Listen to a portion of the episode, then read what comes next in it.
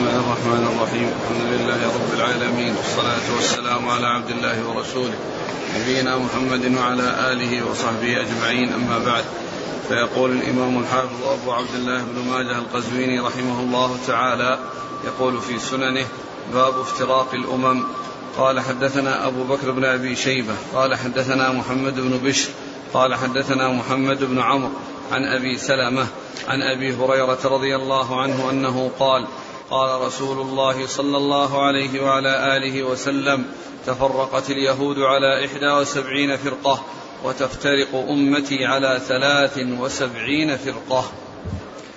بسم الله الرحمن الرحيم الحمد لله رب العالمين وصلى الله وسلم وبارك على عبده ورسوله نبينا محمد وعلى آله وأصحابه أجمعين. أما بعد يقول الإمام ابن ماجه رحمه الله باب في افتراق الأمم. أي أن هذه الأمة التي بعث فيها رسول الله صلى الله عليه وسلم سيحصل لها الافتراق. وقد حصل للأمم السابقة لليهود والنصارى. وقد أورد ابن ماجه أحاديث من هذا الحديث أن, أن النبي صلى الله عليه وسلم قال افترقت اليهود على إحدى وسبعين فرقة وستفترق هذه الأمة. على ثلاث وسبعين فرقة. وجاء في بعض الروايات آه، افتراق اليهود على 71 وافتراق النصارى على 72 وافتراق هذه الأمة على 73 وهذا من أخبار الرسول صلى الله عليه وسلم عن أمور ماضية وعن أمور مستقبلة. لأن في الحديث إخبار إخبار الرسول صلى الله عليه وسلم عن مغيب حصل في الماضي وعن مغيب يحصل في المستقبل. ونحن لا نعلم عن الأمم السابقة إلا ما جاء في كتاب ربنا وسنة نبينا محمد صلى الله عليه وسلم لأن هذا هو الطريق الذي آه، نأخذ منه الأخبار ويعول فيه على الأخبار يعني ما جاء في الكتاب والسنة. فإذا أخبر أو جاء الخبر في كتاب الله وسنة رسوله صلى الله عليه وسلم عن أمور ماضية فنحن نصدق بأنها وقعت طبقا لما أخبر به عليه الصلاة والسلام. وإذا أخبر عن أمور مستقبلة نعتقد بأنها ستقع طبقا لما أخبر به صلى الله عليه وسلم. والحديث فيه إخبار عن آه، أمور مضت وقد وقعت كما أخبر وإخبار عن أمور مستقبلة أو عن شيء مستقبل ولا بد أن كل ما أخبر به النبي الكريم عليه الصلاة والسلام لا بد وأن يقع طبقا لما أخبر به عليه الصلاة والسلام. وهذا الافتراق إنما هو افتراق أمة الإجابة وليس أمة الدعوة لأن أمة الدعوة يدخل فيها اليهود والنصارى لأن أمة نبينا محمد صلى الله عليه وسلم أمتان أمة دعوة وأمة إجابة. أما أما أمة الدعوة أمة نبينا محمد عليه الصلاة والسلام أمة الدعوة فهم كل إنسي وجني من حين بعث عليه الصلاة والسلام إلى قيام الساعة. هؤلاء هم أمة محمد عليه الصلاة والسلام أمة الدعوة. أي كل مدعو إلى هذا الدين كل مدعو إلى هذا الدين لا يدعى أحد دون أحد. فكل إنسي وجني من حين من حين بعثته عليه الصلاة والسلام إلى قيام الساعة هم أمة محمد عليه الصلاة والسلام أمة الدعوة. أي أنها موجهة للجميع. أي أنها موجهة للجميع. وأما أمة الإجابة فهم الذين دخلوا في الدين وشهدوا أن لا إله إلا الله وأن محمد رسول الله. وإن كان بينهم شيء من التفاوت يعني سواء ما يتعلق بال بال بالعقيدة وأخطأ في العقيدة أو ما يتعلق بالمعاصي والوقوع في, في, في الذنوب فإن فإنهم يدخلون تحت أمة محمد صلى الله عليه وسلم.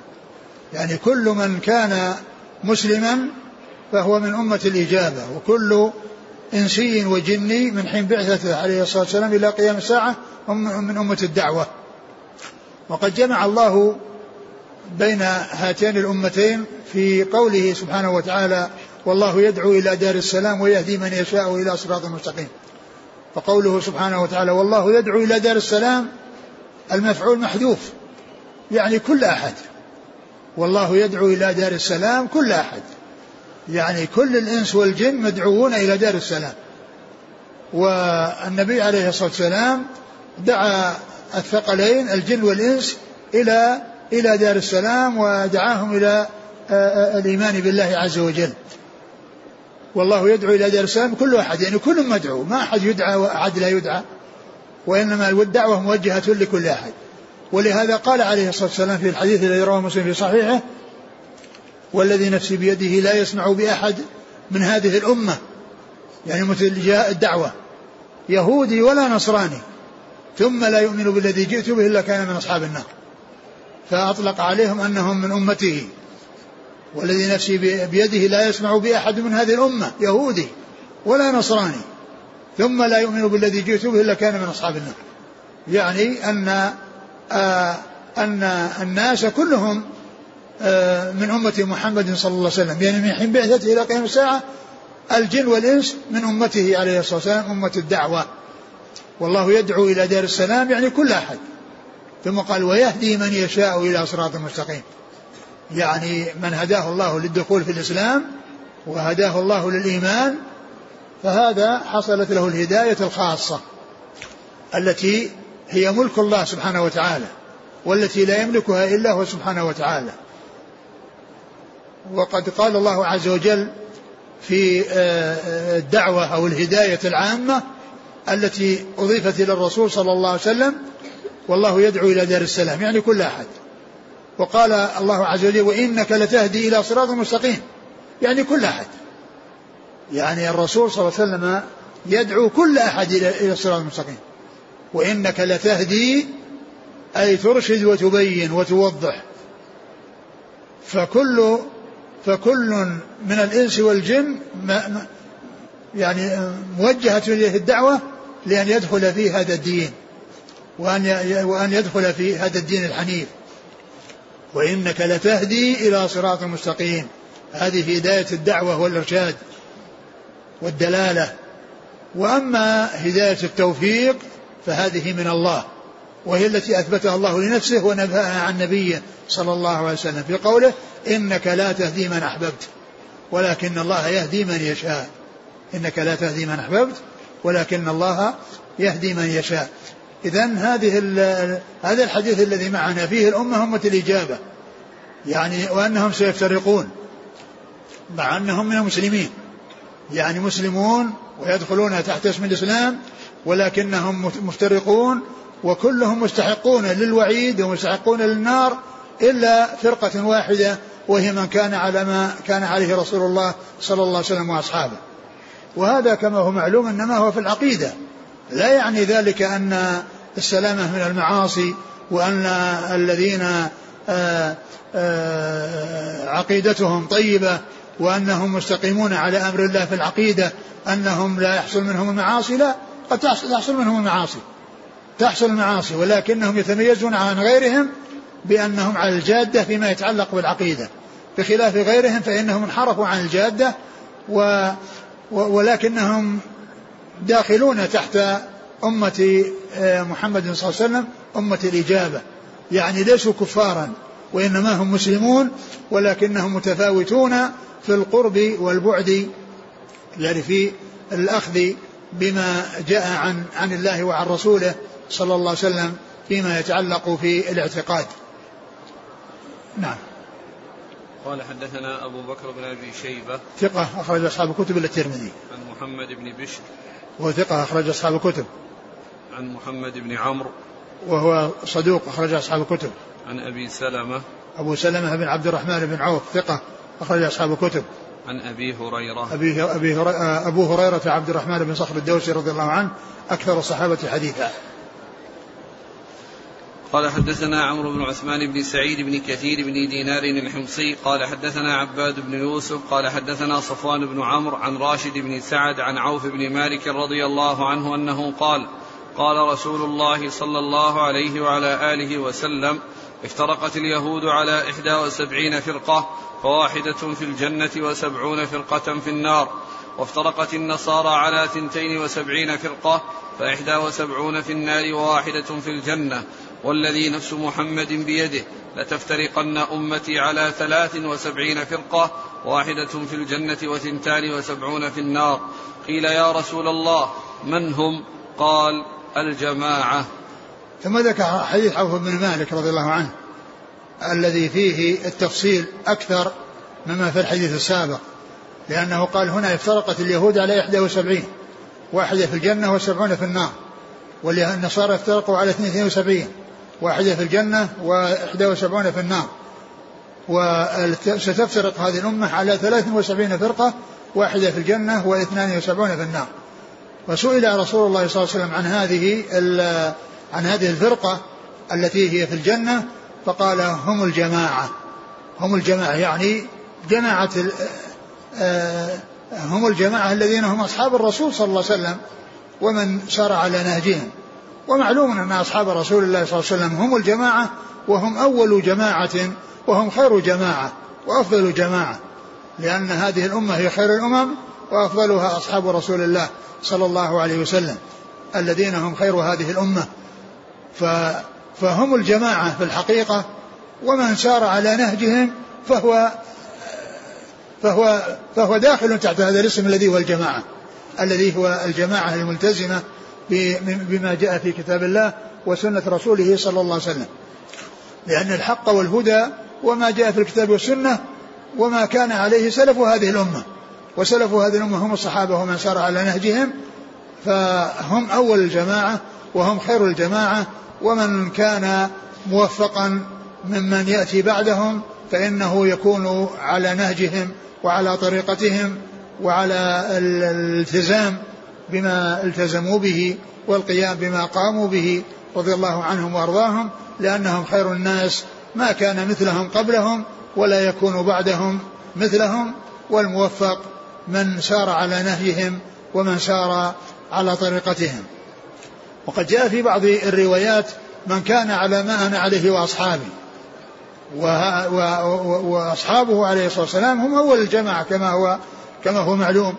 فاذا هم خير الناس الذين تلقوا الحق والهدى من رسول الله صلى الله عليه وسلم وكل من كان موفقا بعدهم فإنه يسير على منهاجهم. ومن انحرف عن طريقتهم فهو يعني منحرف عن الجادة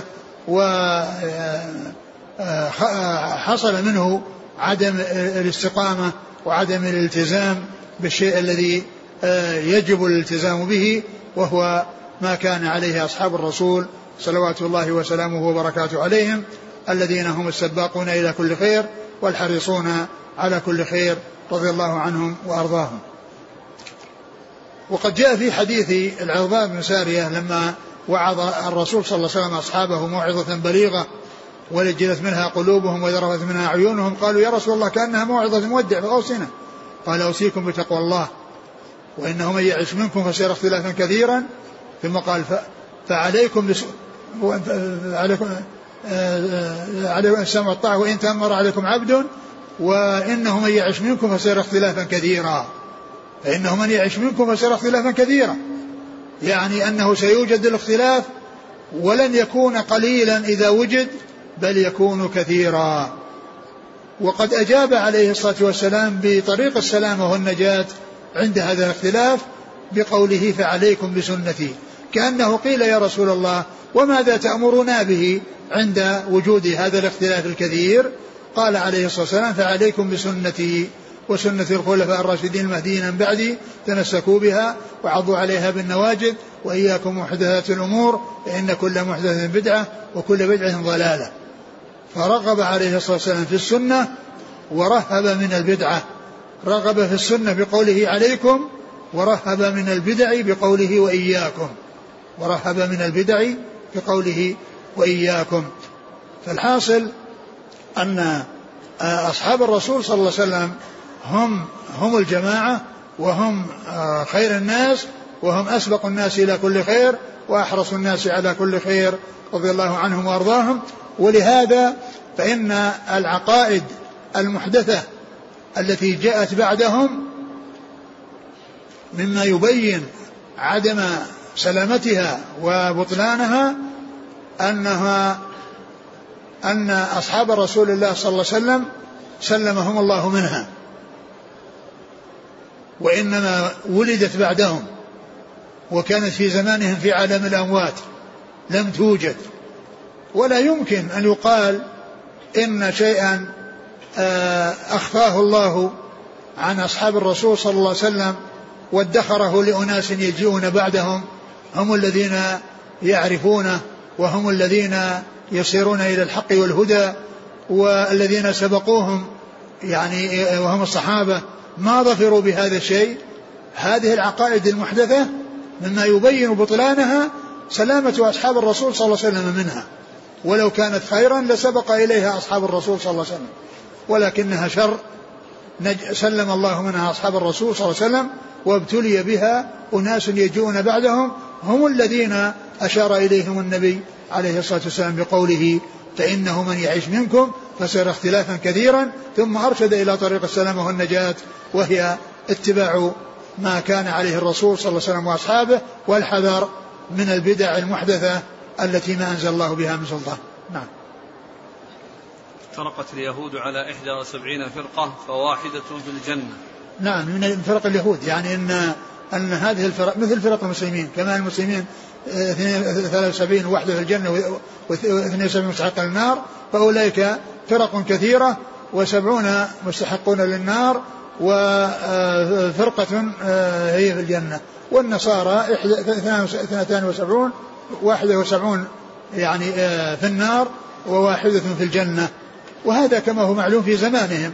وأما بعد زمانهم وبعد مجيء آه، بعثة الرسول صلى الله عليه وسلم لا يبقى لأحد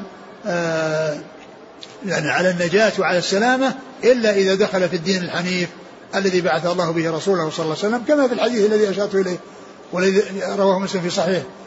والذي نفسي بيده لا يسمع بأحد من هذه الأمة يهودي ولا نصراني ثم لا يؤمن بالذي جئت به إلا كان من أصحاب النار. قال حدثنا عمرو بن عثمان بن سعيد بن كثير بن دينار. صدوق أخرج له. أبو داود النسائي بن ماجه. نعم. عن عباد بن يوسف. وهو؟ مقبول أخرج له ابن ماجه. نعم. عن صفوان بن عمرو. وهو؟ ثقة أخرج البخاري في المفرد ومسلم وأصحاب السنن. نعم. عن راشد بن سعد. وهو؟ ثقة أخرج البخاري في المفرد نعم. وأصحاب السنن. نعم. عن عوف بن مالك. رضي الله عنه أخرج له. أصحاب الكتب. نعم. قال حدثنا هشام بن عمار قال حدثنا الوليد بن مسلم قال حدثنا أبو عمرو قال حدثنا قتادة عن أنس بن مالك رضي الله عنه أنه قال قال رسول الله صلى الله عليه وسلم إن بني إسرائيل افترقت على إحدى وسبعين فرقة وإن أمتي ستفترق على ثنتين وسبعين فرقة كلها في النار إلا واحدة وهي الجماعة. ثم ذكر هذا الحديث آه، عن أنس رضي الله عنه وفيه أن بني إسرائيل افترقوا على 71 وأن هذه الأمة افترقت على 72 وأن واحدا في الجنة والباقي هو مستحق للنار. والحديث الذي قبله فيه الافتراق إلى 73 والذي قبله أيضا كذلك على 73 فيكون آه يعني آه الذي الذي هو مرجح ومقدم على غيره الذي فيه ذكر 73 لأن 72 للنصارى والواحدة والسبعين لليهود. نعم. قال حدثنا هشام بن عمار. صدوق أخرجه البخاري وأصحاب السنة. عن الوليد بن مسلم. ثقة أخرج أصحاب الكتب. عن أبي عمرو. وهو الأوزاعي ثقة أخرج أصحاب الكتب. عن قتادة عن أنس. قتادة من دعامة السدوسي البصري. ثقة. أخرج أصحاب الكتب وأنس بن مالك رضي الله عنه خادم الرسول صلى الله عليه وسلم وأحد السبع المكثرين من حديثه. قال حدثنا أبو بكر بن أبي شيبة قال حدثنا يزيد بن هارون عن محمد بن عمرو عن أبي سلمة عن أبي هريرة رضي الله عنه أنه قال قال رسول الله صلى الله عليه وعلى آله وسلم لتتبعن سنة من كان قبلكم باعا بباع وذراعا بذراع وشبرا بشبر حتى لو دخلوا في جحر ضب لدخلتم فيه. قالوا يا رسول الله اليهود والنصارى. قال فمن إذا ثم ذكر هذا الحديث الذي فيه اتباع هذه الأمة يعني سنن من كان قبلها من اليهود والنصارى وأنهم يعني يتبعونهم ويقلدونهم يعني في كثير من الأمور غير الطيبة. لكن لا يعني ذلك أنهم يعني يكونون يعني معهم كفار. وأنهم يعني آه، آه، يصلون إلى حد الكفر وإنما يقلدونهم في أمور يعني منكرة وأمور غير سائغة. وليس معنى ذلك أنهم يتبعونهم في الكفر وأنهم يعني يرجعون كفارا. وإن كان يعني في هذه الأمة من يرتد عن دينه كما أن في الأمم السابقة من من يخرج عن دينه إلا أن المقصود بهذا الاتباع الذي وصفت هذه هذه الأمة هو تقليدها في أمور منكرة وفي أمور يعني سيئة لا أنهم يعني آه، يرجعون إلى أن يكونوا نصارى أو يكونوا يهود وإنما هم باقون على دينهم ولكنهم يقلدونهم ويتابعونهم في أمور سيئة وأمور يعني منكرة. ولهذا قال صلى الله عليه وسلم تتبعون سنة من قبلكم شبرا بشبر وذراعا بذراع يعني حتى لو دخلوا جحر ضب لدخلتموه. يعني حتى لو دخلوا جحر ضب يعني مبالغة في اتباعهم في أمور كثيرة لكنها كما هو معلوم إنما هي في أمور لا تصل إلى حد الكفر وأن الناس يعني يتبعونهم في الكفر وإنما يتبعونهم في أمور منكرة يقلدونهم وهذا هو واقع المسلمين يعني في في غالب الأزمان. نعم. قال حدثنا أبو بكر بن أبي شيبة عن يزيد بن هارون. ثقة أخرج أصحاب الكتب. عن محمد بن عمرو عن أبي سلمة عن أبي هريرة. نعم. صلى الله إليك. هل الثلاثة وسبعين فرقة يراد بها العدد نفسه أم يراد بها الكثرة؟ استغفر لهم أو لا تستغفر لهم. إن تستغفر لهم سبعين مرة. يعني الأصل الأصل هو الحمل على الأصل هو الحمل على العدد. لأن قال ثلاث وسبعين واحدة كذا والباقي كذا. يعني واحدة كذا والباقي كذا. فهذا يدل على أن العدد معتبر. وإن كان يأتي يعني أحيانا ذكر السبعين وإرادة وهي التكثير لكن هنا ذكر يعني شيء غير السبعين وهو ثلاث وسبعين واحدة في الجنة واثنتان وسبعون في النار. ما الضابط في معرفة الفرق كونها لا تصل إلى حد الكفر وكونها آه يعني لا تكون على المنهج القويم الذي كان عليه أصحاب الرسول صلى الله عليه وسلم. يعني لا يصلون إلى حد الكفر ولا يكونون على المنهج القويم الذي كان عليه رسول الله صلى الله عليه وسلم وأصحابه. لأن الذي المنهج القويم عليه فرقة واحدة هم أهل النجاة. وكما هو معلوم هذا كما قلنا في العقيدة. وأما بالنسبة للمعاصي فإنه يقع.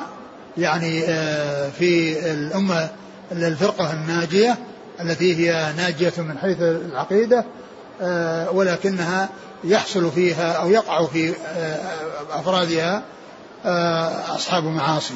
نعم. هل ظهرت كل هذه الفرق؟ العلماء نعم يقولون ظهرت ظهرت ومن منهم من أحصاها. وكتب فيها يعني بعض الكتب ولا شك أن أن الفرق أنها كثيرة وموجودة لكن بعض الناس قد يدخل فيها يعني ما ليس منها. يعني في هذا الزمان يعني بعض الطوائف الذين لهم مناهج معينة يعني يقولون هل هم داخلين في هذا العدد أو ليسوا بهذا العدد مع أن بعض أصحاب هذه المناهج يجمعون يعني فرق شتى من من من أصحاب هذه العقائد المنحرفة. نعم. هل هناك حكمة معلومة لكون فرق هذه الأمة أكثر من فرق الأمم السابقة؟ الله أعلم. والكثره يعني كما هو اليوم يعني قليلة جدا لأن هذا 71 72 73 ما في ما في فرق يعني آه، بين تصحيح هذا الحديث مع أن هناك من يطعن في أسانيده بل يقول إن هذا الحديث يثبط الأمة الإسلامية.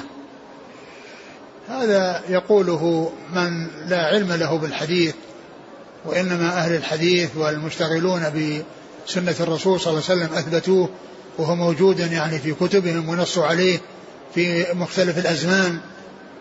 فكلام بعض الناس الذين يعني يتكلمون في الأحاديث ويصححون منها يعني ما يوافق أهواءهم ويخالف ويعني لا يصححون ما لا يوافق أهواءهم هذا لا لا يلتفت إليهم ولا ينظر إليهم. يعني هذه الأمور يرجع فيها إلى أهلها. العلماء يعني في مختلف العصور والدهور ينصون على على على على هذا الحديث وعلى صحته أو على حسنه وعلى أنه معتبر. ولهذا يعني المحدثون يريدون الأبواب ويعقدون الأبواب ويريدون الأحاديث بالطرق المختلفة وعن الصحابة المتعددين في آه، في بيانه. وقد أثبته والعبرة هو بأهل أهل الفن وأهل العلم. لا يعني العبرة بكلام يعني أناس غيرهم يتكلمون بعقولهم أو بعواطفهم أو ما إلى ذلك. نعم. قال رحمه الله تعالى باب فتنة المال. قال حدثنا عيسى بن حماد المصري قال أنبانا الليث بن سعد عن سعيد المقبوري عن عياض بن عبد الله أنه سمع أبا سعيد الخدري رضي الله عنه يقول قام رسول الله صلى الله عليه وسلم فخطب الناس فقال لا والله ما أخشى عليكم أيها الناس إلا ما يخرج الله لكم من زهرة الدنيا. فقال له رجل يا رسول الله أيأتي الخير بالشر؟ فسكت رسول الله صلى الله عليه وسلم ساعة. ثم قال كيف قلت؟ قال قلت وهل يأتي الخير بالشر؟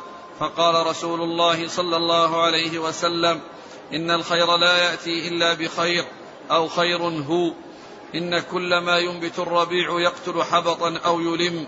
إلا آكلة الخضر أكلت حتى إذا امتدت خاصرتاها استقبلت الشمس فثلطت وبالت ثم اجترت فعادت فأكلت فمن يأخذ مالا بحقه يبارك له ومن يأخذ مالا بغير حقه فمثله كمثل الذي يأكل ولا يشبع. ثم ذكر فتنة المال. وفتنة المال هي يعني من فتن هذه الأمة. يعني فتنة الأمة في هذه الأمة في المال. وقد آه، آه، آه، جاءت الأحاديث الكثيرة يعني في ذلك وأن الناس يفتنون في المال ويفتنون في الدنيا وأن منهم من يتهالك عليها ومن يسعى إلى تحصيلها بأي طريق. يعني سواء كان لا لا يسأل عن عن حل ولا ولا عن حرمة وإنما المهم أن يصل المال إلى يده. فيكون تعريف الحلال في آه، اصطلاح أو في فهم كثير من الناس الحلال ما حل في اليد. الحلال ما حل في اليد والحرام ما لم يصل إلى اليد. لفتنة الناس بالمال وانشغالهم فيه وأنهم لا يبالون كيف يصل إليهم من طريق مشروع أو غير طريق مشروع. ومن المعلوم أن المال إن يعني يكون آه، خيرا لصاحبه إذا أخذه في من حله وصرفه في حله. ويكون شرا عليه إن أخذه من غير حلة وصرفه في غير حلة. أو أخذه من حله وصرفه في غير حلة. كان يصير وصل إليه عن طريق عن طريق كسب طيب ثم استعمله في حرام. أو حصل إليه عن طريق الميراث ثم استعمله في حرام. فإنه وصل إليه من حله وصرفه في غير حلة. الحاصل أن يعني أن كثيرا من الناس يفتنون بالمال ويحرصون على الظفر به بأي طريقة ولهذا يحصل تحصل السرقة ويحصل السطو ويحصل النهب ويحصل يعني الغصب وما إلى ذلك كل ذلك من أجل التهالك على الدنيا ومن أجل الحرص على الدنيا.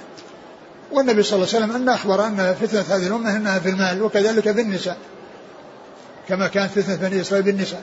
وقد عقد ابن ماجه رحمه الله بابا يتعلق بفتنة المال ثم بعده بباب يتعلق بفتنة النساء. ذكر هذا الحديث قال خطب قام الرسول صلى الله عليه وسلم فخطب الناس فقال لا والله ما أخشى عليكم أيها الناس إلا ما يخرج الله لكم من زهرة الدنيا. هذا بيان أن الرسول صلى الله عليه وسلم ما كان يخشى الفقر على أمته.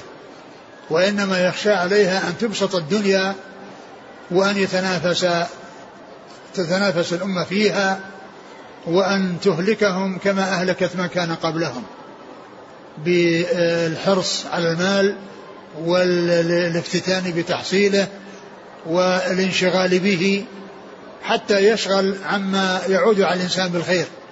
ولهذا يقول الله عز وجل يا أيها الذين لا تلهكم أموالكم ولا أولادكم عن ذكر الله. ومن يفعل ذلك فأولئك هم الخاسرون. وأنفقوا ما رزقناكم من قبل يأتيكم أحدكم الموت.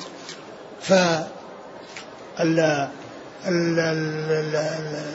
الرسول صلى الله عليه وسلم أخبر بأنه لا يخشى الفقر على أمته وإنما يخشى عليهم المال وكثرته وبسطه عليهم ثم افتتانهم فيه واستعمالهم إياه فيما يعود عليهم بالمضرة وكذلك كونهم قد يأخذونه من طريق غير مشروع فيحاسبون عليه داخلا وخارجا يحاسبون عليه داخلا عليهم لأنهم أخذوه من حرام وخارجا منهم لأنهم صرفوه في حرام ما الفقر أخشى إنما أخشى لكم ما ما؟ ما يخرج الله لكم من زهرة الدنيا. من زهرة الدنيا يعني ما يحصل له من المال. يعني سواء حصل عن طريق الغنائم وحصل عن طريق ال يعني ال الاكتساب أو عن طريق الحرث أو ما إلى ذلك فيفتتنون به ويكون شغلهم الشاغل ويلهيهم عن ذكر الله وطاعة الله عز وجل حتى يقتل بعضهم بعضا ويهلك بعضهم بعضا بسبب الحرص على المال والافتتان بالمال. نعم. فقال له رجل يا رسول الله أيأتي الخير بالشر؟ فسكت صلى الله عليه وسلم ساعة ثم قال كيف قلت؟ قلت وهل يأتي الخير بالشر؟ فقال صلى الله عليه وسلم إن الخير لا يأتي إلا بخير أو خير هو. يعني آه، الرسول صلى الله عليه وسلم لما قال يعني إن انه إنه يخشى عليهم من زهرة الدنيا قال ويأتي الخير بالشر؟ يعني هذا الخير وهذا المال الذي يعطيهم الله عز وجل إياه يعني آه، يعني يأتي بالشر؟ قال إن الخير لا يأتي إلا بخير وهذا في حق من وفقه الله عز وجل لأن الخير يأتي بالخير. وأما من لم يوفق فإنه يستعمل الخير فيما يعود عليه بالمضرة. كما قال الله عز وجل ونبلوكم بالشر والخير فتنة وإلينا ترجعون. فالناس يبتلون بالنعم ويبتلون ب... ب... ب... بالنقم. فكما أن البلوى بالنقم تكون بالنعم. من الناس يعني من يكون آآ آه، آآ آه، نعمة الله عز وجل عليه سببا في طغيانه. كلا إن الإنسان لا يطغى أن رآه استغنى. كلا إن الإنسان لا يطغى أن رآه, أن رآه استغنى. ف فأخبر عليه الصلاة والسلام أن الخير لا يأتي إلا بالخير. و وإيش بعده؟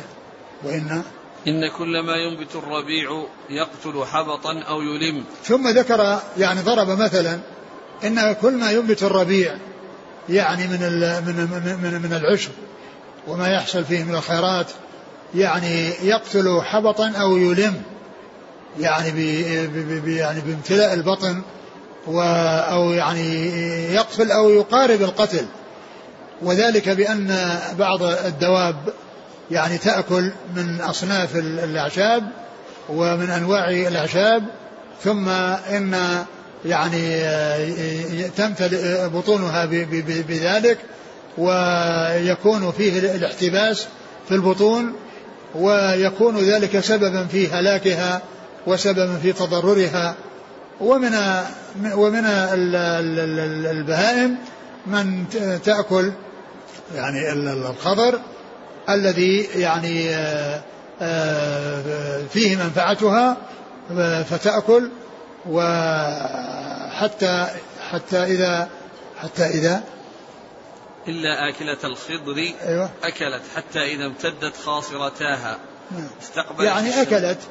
يعني حتى يعني آه، شبعت. لكن حصل لها أن أخرجت ما في بطنها آه، بكونه يعني يعني يخرج يعني آه، يخرج منها ولا يبقى في بطنها.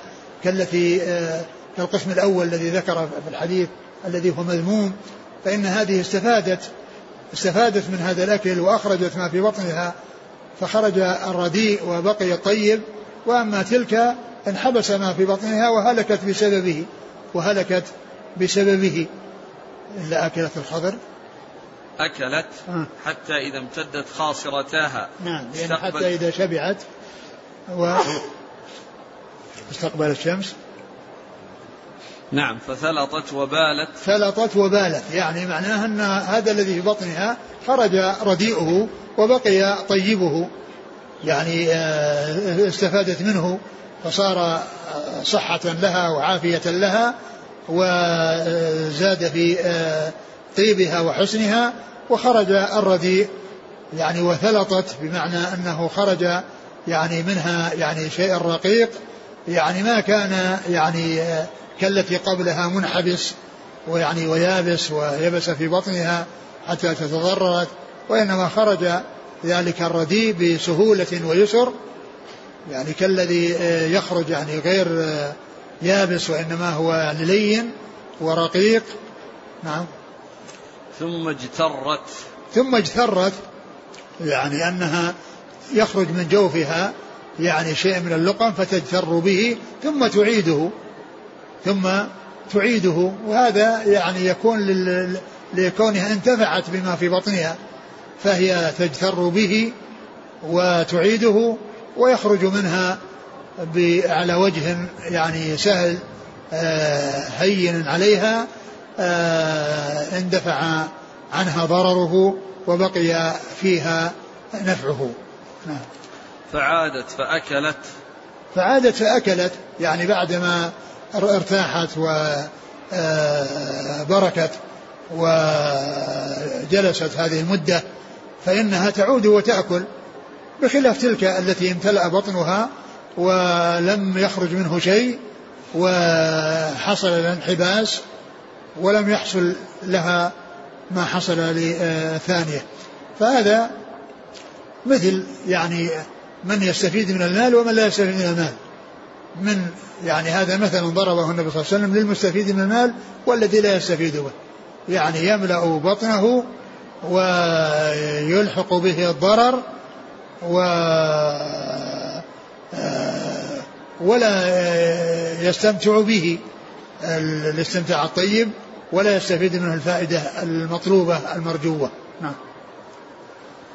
فمن يأخذ مالا بحقه يبارك له ومن يأخذ مالا بغير حقه فمثله كمثل الذي يأكل ولا يشبع. وهذا هو يعني يرجع لصنفين من الناس من أخذه بحقه فإنه يبارك له فيه ويستفيد منه ويفيد ومن أخذه بغير حقه فإنه لا يحصل منه تحصل له الفائدة المطلوبة ويكون مثل الذي يأكل ولا يشبع. الذي يأكل ولا يشبع لأن لأنه عنده نهم وعنده شره وعنده حرص ولا يستفيد من هذا الذي ظفر به فينتفع به ويستمتع به وإنما يكون مثل الذي يأكل ولا يشبع. نعم. قال حدثنا عيسى بن حماد المصري هو الملقب زغبة وهو ثقة أخرج مسلم وأبو داود والنسائي بن ماجه. نعم. عن الليث بن سعد. ثقة أخرج أصحاب الكتب. عن سعيد المقبوري. ثقة أخرج أصحاب الكتب. عن عياض بن عبد الله. وهو ثقة أخرج أصحاب الكتب. نعم. عن أبي سعيد الخدري.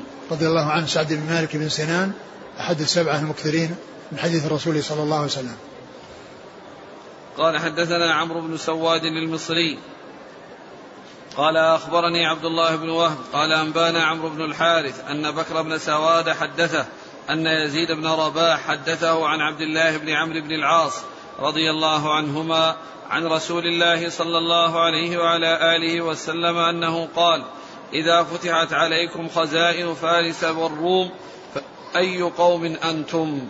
قال قال عبد الرحمن بن عوف نقول كما أمرنا الله قال رسول الله صلى الله عليه وسلم أو غير ذلك تتنافسون ثم تتحاسدون ثم تتدابرون ثم تتباغضون أو نحو ذلك ثم تنطلقون في مساكين المهاجرين فتجعلون بعضهم على رقاب بعض. ثم ذكر هذا الحديث عن عبد الله بن عمرو. عن عبد الرحمن؟ عبد الله بن عمرو بن العاص. عبد الله بن عمرو بن العاص رضي الله تعالى عنهما والذي قال كيف أنتم؟ إذا فتحت عليكم خزائن فارس والروم أي قوم أنتم؟ كيف أنتم إذا فتح عليكم خزائن فارس والروم؟ كيف أي قوم أنتم؟ قال عبد الرحمن يعني إيش نقول نقول كما أمرنا الله. نقول كما أمرنا الله أيوة. قال صلى الله عليه وسلم أو غير ذلك. تتنافسون ثم نعم يعني أن أن أنهم آه، أنهم يمشون بها أو يستعملونها على الوجه المشروع الذي أمرهم الله عز وجل به فقال عليه السلام أو غير ذلك يعني تتنافسون. يعني تحصل المنافسة على الدنيا تحصل المنافسة على الدنيا والحرص عليها تتنافسون ثم تتحاسدون. تتنافسون على تحصيلها ثم تتحاسدون بحيث يحسد بعضهم بعضا ثم تتدابرون. يعني كل يعني بسبب يعني ما يكون من ال من ال الحرص و والشحنة بسبب تحصيل المال يتدابرون كل واحد يلقي الثاني دبره. ثم أيضا كذلك تحصل البغضة والعداوات التي تكون بين الناس بسبب المال. يعني حتى يعادي الولد أباه والأخ أخاه والقريب قريبة كل بسبب الحرص على الدنيا والتهالك التهالك عليها. ومعنى ذلك أن هذا من فتنة المال التي الناس يفتنون بها وتكون سببا في قطيعة الرحم وسبب في آه، العقوق الذي يكون يعني بين بعض الأولاد مع آبائهم وكذلك يكون آه، التحاسد يحسد بعضهم بعضا.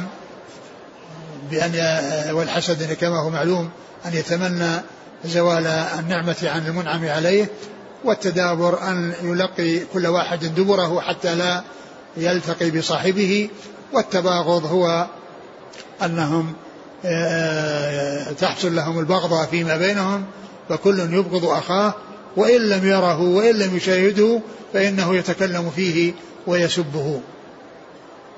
بعده. ثم تنطلقون في مساكين المهاجرين فتجعلون بعضهم على رقاب بعض. ثم تنطلقون إلى مساكين المهاجرين فتجعلون بعضهم على رقاب بعض. قيل يعني بتولية بعضهم على بعض وبتأمير بعضهم على بعض. نعم. قال حدثنا عمرو بن سواد المصري. آه هو صدوق. ثقة أخرجه مسلم والنسائي بن ماجه. ثقة. نعم. أخرج له. مسلم والنسائي بن ماجه. نعم يعني هو في التقريب مذكور فيه أبو داود.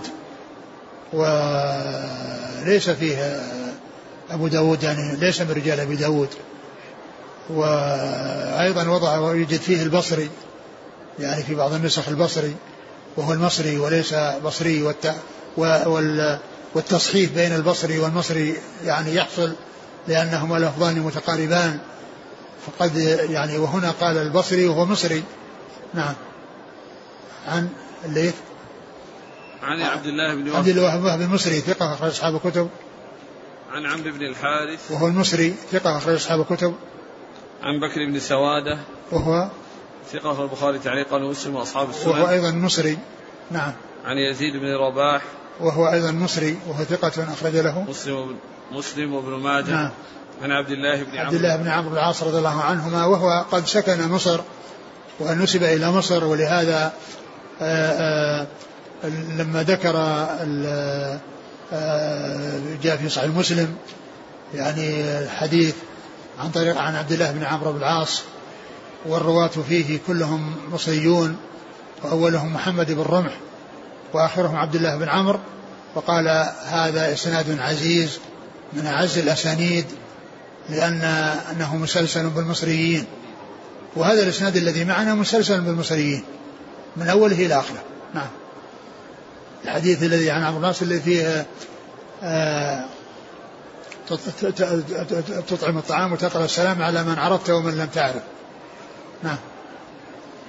قال حدثنا يونس بن عبد الأعلى المصري قال أخبرني ابن وهب قال أخبرني يونس عن ابن شهاب عن عروة بن الزبير أن المسور بن مخرمة رضي الله عنهما أخبره عن عمرو بن عوف وهو حليف بني عامر بن لؤي وكان شهد بدرا مع رسول الله صلى الله عليه وسلم أن رسول الله صلى الله عليه وسلم بعث أبا عبيدة بن الجراح إلى البحرين يأتي بجزيتها وكان النبي صلى الله عليه وسلم هو صالح أهل البحرين. وأمر عليهم العلاء بن الحضرمي رضي الله عنه فقدم أبو عبيدة رضي الله عنه بمال من البحرين فسمعت الأنصار بقدوم أبي عبيدة فوافوا صلاة الفجر مع رسول الله صلى الله عليه وسلم. فلما صلى رسول الله صلى الله عليه وسلم انصرف فتعرضوا له فتبسم رسول الله صلى الله عليه وسلم حين رآهم. ثم قال أظنكم سمعتم أن أبا عبيدة قدم بشيء من البحرين. قالوا أجل يا رسول الله. قال أبشروا وأملوا ما يسركم فوالله ما الفقر أخشى عليكم ولكني أخشى عليكم أن تبسط الدنيا عليكم كما بسطت على من كان قبلكم فتنافسوها كما تنافسوها فتهلككم كما أهلكتهم. ثم ذكر هذا الحديث عن أن أن الرسول صلى الله عليه وسلم يعني أن أبا عبيدة جاء بمال من البحرين وكان والبحرين هي جهة يعني ما بين العراق وعمان يعني التي هي يعني ليست خاصة بالبحرين الموجودة الآن التي هي جزر في البحر وإنما هي المنطقة الساحلية هذه يقال لها البحرين ومن ذلك الهجر فإنها يقال لها من البحرين. ف آه، وكان أبو عبيدة جاء بمال من البحرين ولما علم آه، الأنصار رضي الله عنهم بذلك صلوا معه الفجر فتعرضوا له فتبسم لما رآهم وقال أظنكم علمتم بمجيء أبي عبيدة من البحرين؟ قالوا نعم. قال أبشروا وأملوا فإن فإنه فإن فإن أنه ليس الفقر أخشى عليكم وإنما أخشى أن تبسط عليكم الدنيا كما بسطت على من قبلكم فتنافسوا فيها كما تنافسوا فيها وتهلككم كما أهلكتهم.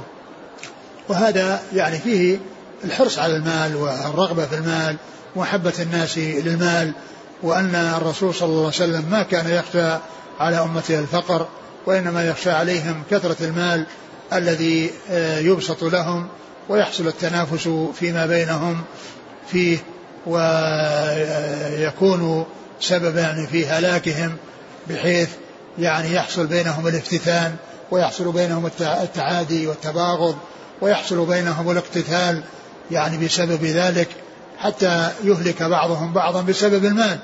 نعم. قال حدثنا يونس بن عبد الأعلى المصري. ثقة. أخرج له. مسلم والنسائي بن ماجه. نعم. عن ابن وهب عن يونس عن ابن شهاب. يونس بن يزيد الأيلي ثقة أخرج أصحاب الكتب. وابن شهاب محمد بن مسلم بن عبيد الله بن شهاب ثقة. أخرج أصحاب الكتب.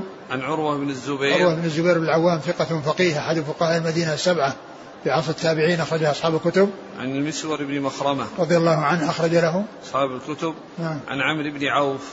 أخرج له. أصحاب الكتب إلا أبا داود. نعم. قال رحمه الله تعالى باب فتنة النساء. قال حدثنا بشر بن هلال الصواف. قال حدثنا عبد الوارث بن سعيد عن سليمان التيمي. حاء قال حدثنا عمرو بن رافع قال حدثنا عبد الله بن المبارك عن سليمان التيمي عن أبي عثمان النهدي عن أسامة بن زيد رضي الله عنه عنهما أنه قال قال رسول الله صلى الله عليه وسلم ما أدع بعدي فتنة أضر على الرجال من النساء. ثم ذكر فتنة النساء وذكر أحاديث منها حديث أسامة بن زيد رضي الله عنه أن النبي صلى الله عليه وسلم صلى الله عليه وسلم قال ما أدع بعدي فتنة أضر على الرجال من النساء. ما أدع بعدي فتنة أضر على الرجال من النساء. وهذا يدلنا على يعني تعدد الفتن ولكن أضرها فتنة النساء على الرجال. أضرها على الرجال فتنة النساء.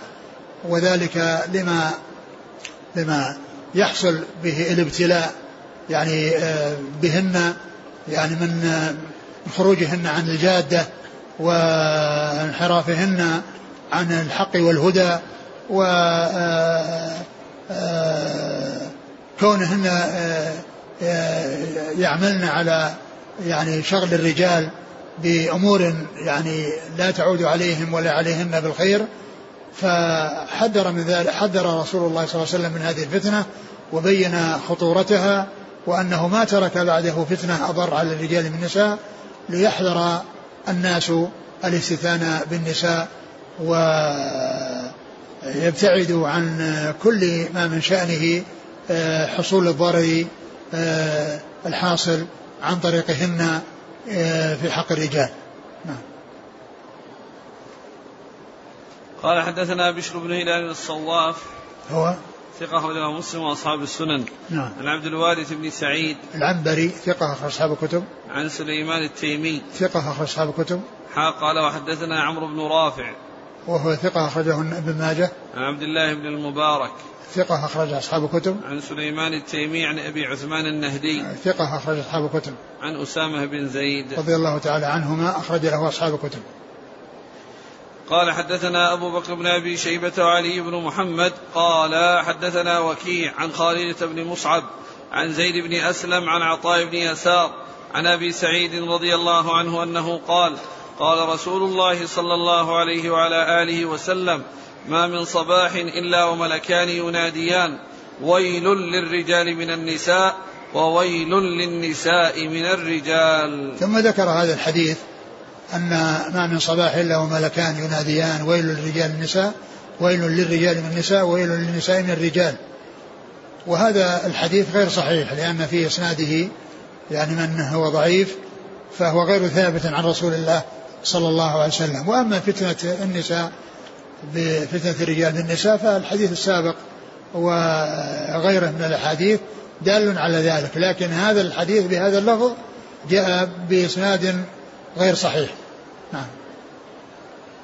قال حدثنا أبو بكر بن أبي شيبة وعلي بن محمد. علي محمد الطنافسي ثقة أخرج حديث النسائي في مسند علي وابن ماجه. عن وكيع بن الجراح ثقة أخرج أصحاب الكتب. عن خارجة بن مصعب وهو؟ متروك نعم. والترمذي وابن ماجه. نعم. عن زيد بن أسلم ثقة أخرج أصحاب الكتب. عن عطاء بن يسار. وهو ثقة أخرج أصحاب الكتب. عن أبي سعيد. نعم. قال حدثنا عمران بن موسى الليثي قال حدثنا حماد بن زيد قال حدثنا علي بن زيد بن جدعان.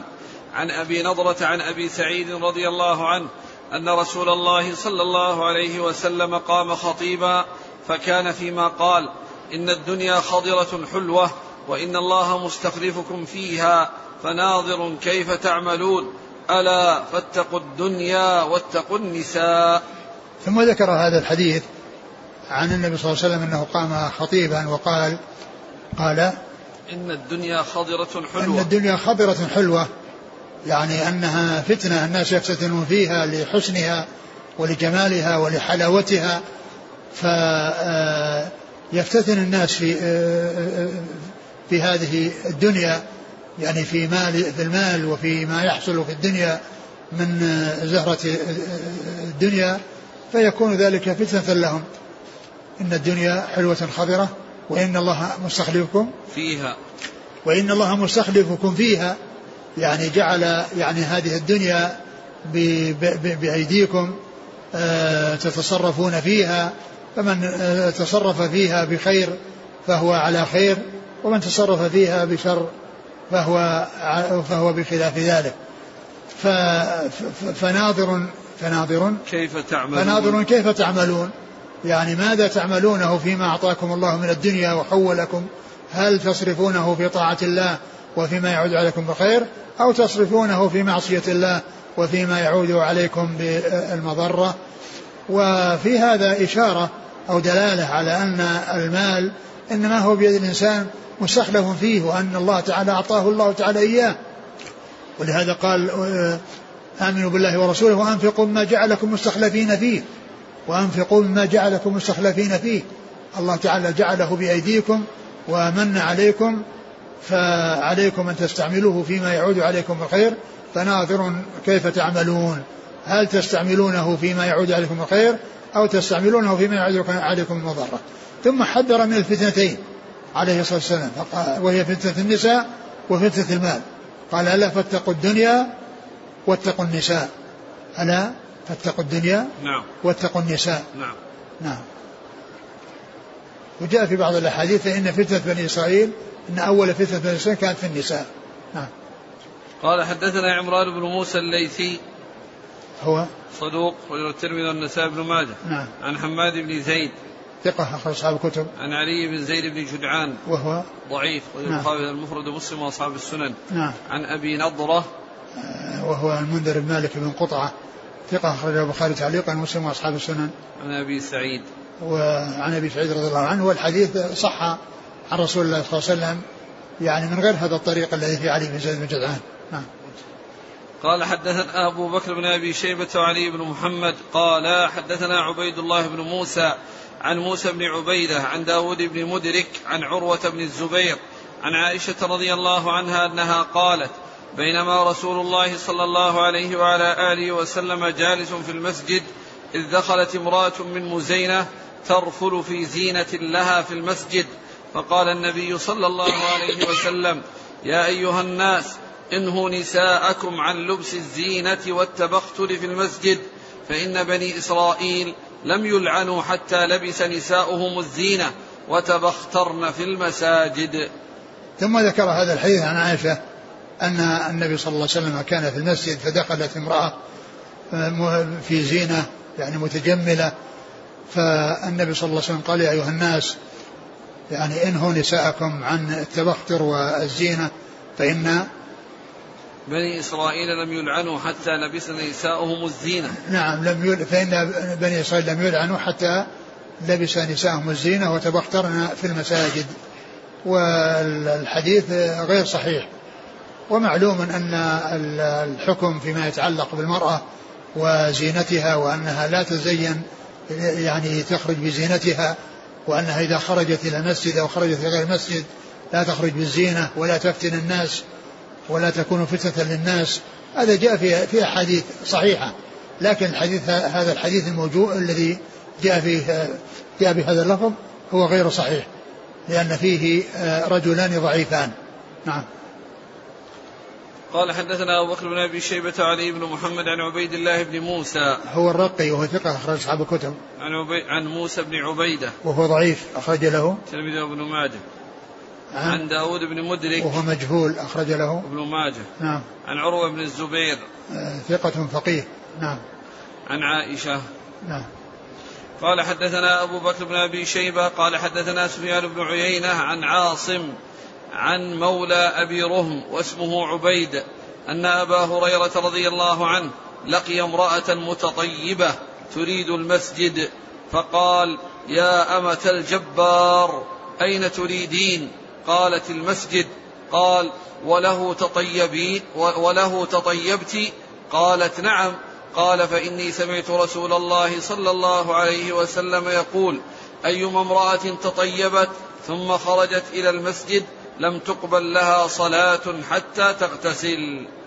ثم ذكر هذا الحديث عن أبي هريرة رضي الله عنه أنه لقي امرأة يعني متطيبة فقال لها يا أمة الجبار هنا قال الجبار يعني تحذيرا لها وتخويف بذكر اسم الله الجبار وأن وأن أن عليها أن تخاف تخاف الله عز وجل الذي هو الذي من أسمائه الجبار والذي يدل على عظمته وجبروته وأن ذكر اسمه بهذا ذكره بهذا الاسم هو من تخويفها بذكر اسم الله عز وجل الجبار. أين تريد أين تريدين؟ نعم. قال تريد المسجد؟ وقال له تطيبت. قالت نعم.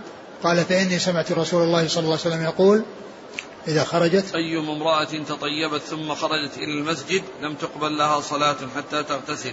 أيما امرأة تطيبت وخرجت إلى المسجد لم تقبل لها صلاة حتى تغتسل. يعني أن أن أن أن عليها أن تزيل يعني هذا الطيب الذي تطيبت به وأن تغتسل يعني مبالغة في سلامتها منه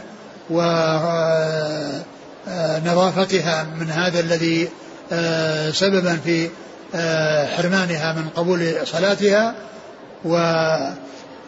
وذلك مبالغة الاغتسال يعني مبالغة في إزالة يعني هذا الشيء الذي هو يعني تستحق به يعني هذا الوعيد الشديد.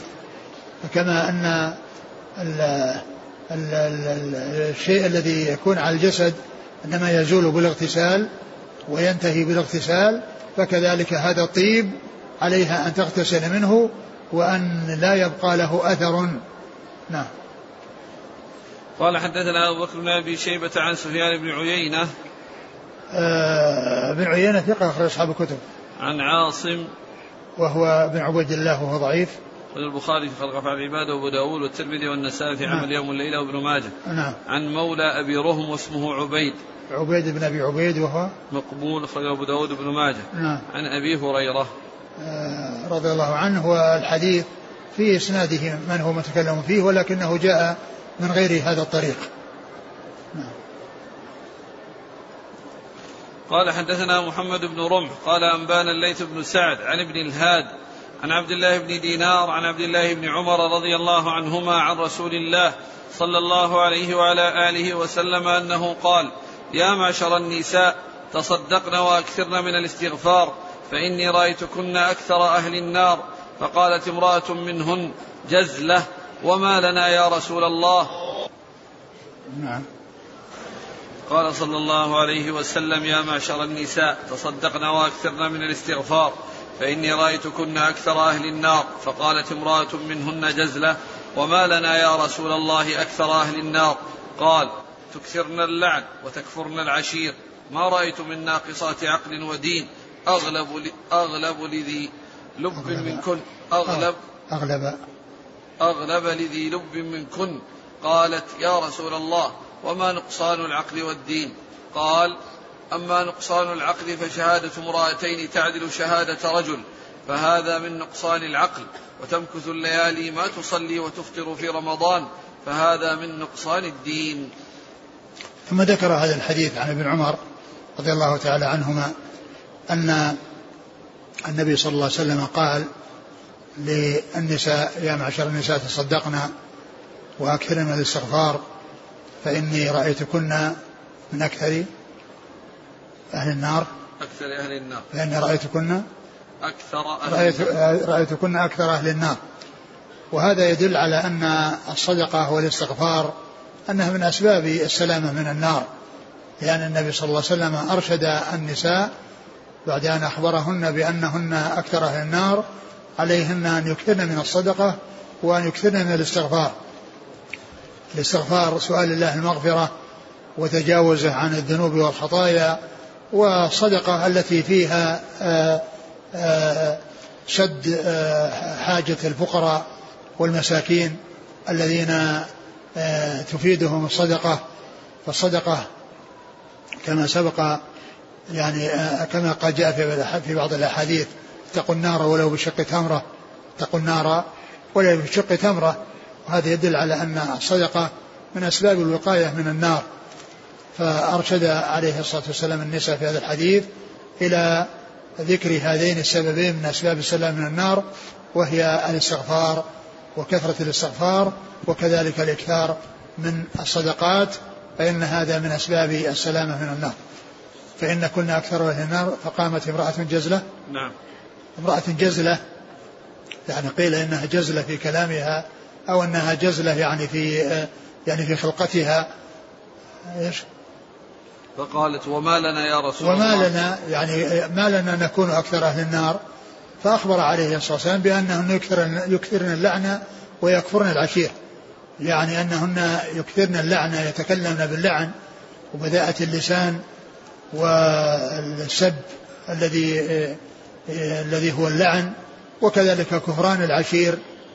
العشير هو الزوج وذلك بأنها لا يعني إذا حصل منه إحسان لها وحصل منه في يوم من الأيام شيء من التقصير نسيت الجميل الذي قد حصل لها في مدة طويلة وقالت ما رأيت خيرا قط. تكثر الشكاية تكثرن اللعنة وتكفرن العشير. نعم. ما رأيت ما رأيت من ناقصات عقل ودين ما رأيت من ناقصات عقل ودين أغلب لذي لب من كنا يعني آه، أن يغلبن الرجال ولهن تأثير كبير على الرجال لما جعل الله عز وجل يعني للرجال من الميل إليهن فإنهن يحصل منهن آه، أن يغلبن ذوي الألباب وذوي العقول من الرجال فسألت يعني ما نقصان العقل والدين؟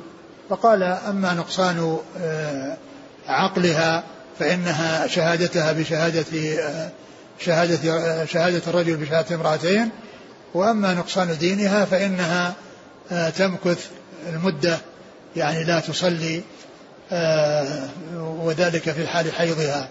ومعلوم أن هذا ليس إليها الذي هو قضية يعني كون لا تصلي لأنها ممنوعة من الصلاة.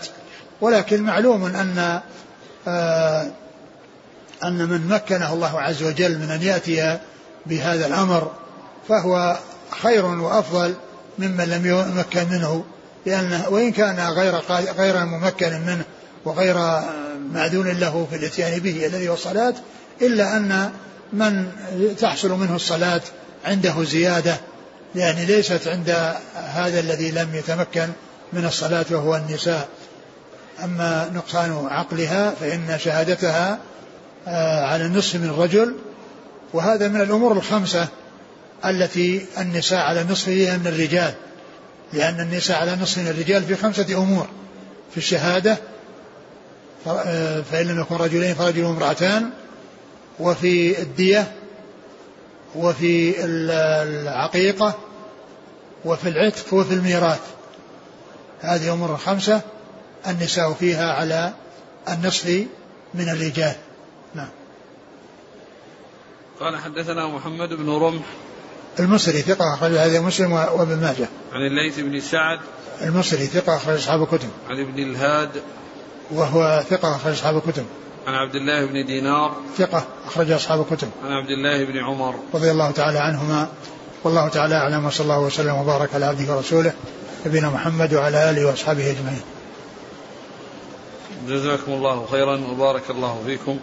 ألهمكم الله الصواب ووفقكم للحق.